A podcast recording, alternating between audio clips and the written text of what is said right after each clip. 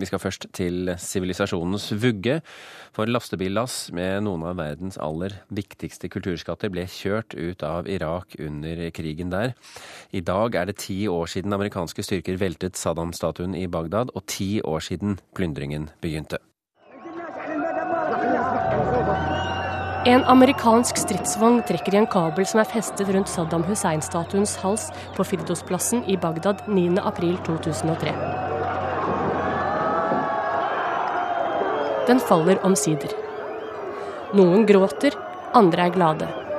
Det er et av bildene vi husker best fra Irak-krigen.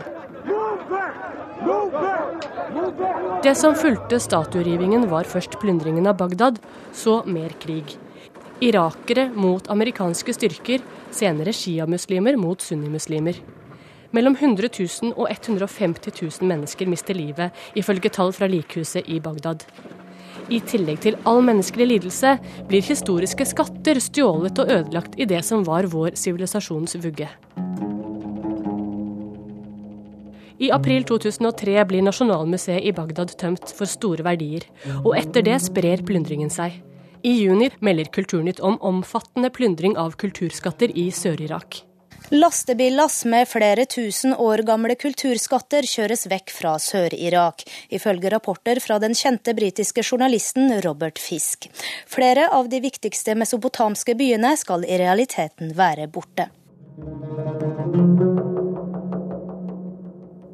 Ifølge kilder i området selges det på svartebørs til vestlige samlere. Hele mesopotamske byer blir ødelagt, og over 5000 år gamle krukker, statuer og smykker forsvinner.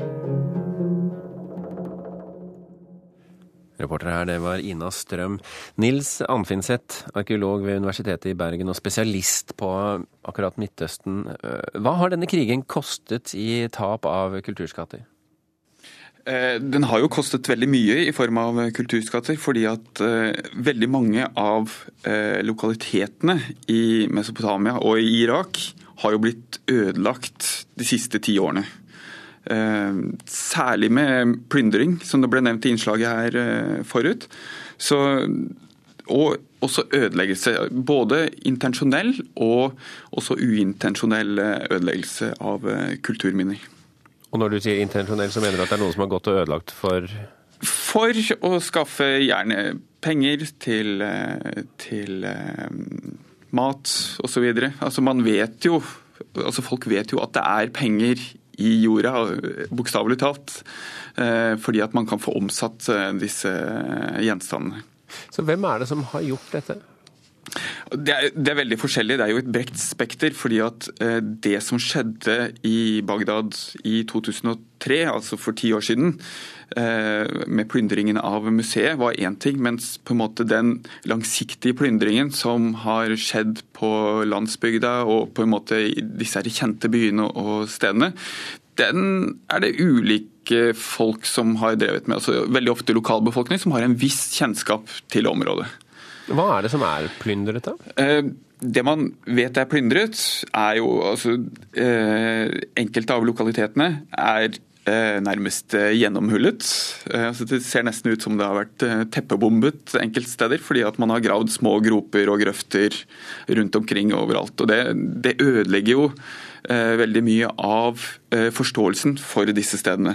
Fordi at når vi finner en gjenstand, så må den ha en kontekst eller en sammenheng sånn at vi kan sette funnene inn i en større sammenheng. Og, og med plyndring så forsvinner nettopp eh, eh, den konteksten eller funnsammenhengen. Men hva er det her? da? Er det krukker? Er det... det er krukker, det er, eh, det er mye metallgjenstander. Det, være, det er litt avhengig av bevaringsforholdene selvfølgelig når vi er ute, ute på lokalitetene.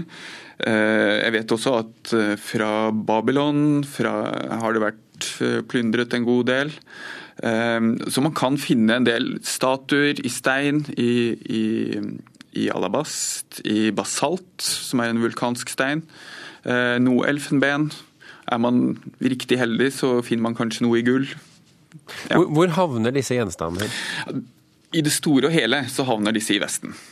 Eh, det er et veldig, veldig stort marked for eh, for denne typen gjenstander, som vi sier er arkeologiske gjenstander, men som eh, andre sier da er antikviteter. Altså de på en måte skifter betegnelse, nærmest. Er det, er det tjuvgods? Ja, det vil jeg jo i høyeste grad si at det er. For de er jo tatt ulovlig ut av Irak. De er ført ulovlig ut av Irak i mange sammenhenger, eller i de aller fleste sammenhenger. Og det, det store markedet er jo i Vesten. Nord-Amerika, England, en del i Russland. Sør-Afrika og Australia. Det er liksom de virkelig store. Og det er masse penger inne i bildet her. Hva med Norge? Ikke et veldig stort uh, marked for uh, denne type ting. Jeg tror man har en ganske bra bevissthet uh, rundt de tingene. Det har jo vært småting, men altså, ja. Når du sier masse penger, hvor, hvor mye snakker vi om? Eh, altså, denne typen eh, handel eh, er på lik linje med narkotikahandel og trafficking av kvinner, altså i omsetning. Det er, det er veldig liten forskjell når det gjelder eh, skalaen eh, det er snakk om. Hva gjør politiet og Interpol i denne sammenheng? Altså, Det de gjorde i 2003, veldig raskt, jeg tror det var faktisk allerede i mai 2003, var at man opprettet noe som heter The Red List altså en rød liste over gjenstander fra, fra Irak.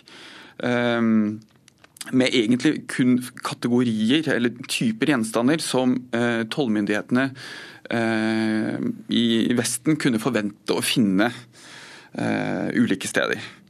Da f.eks. keramikkrukker, elfenben, uh, metallgjenstander, Hjalp, det, hjalp, dette? Det har hjulpet litt. Man, altså en del gjenstander har jo faktisk kommet tilbake igjen eh, til Irak.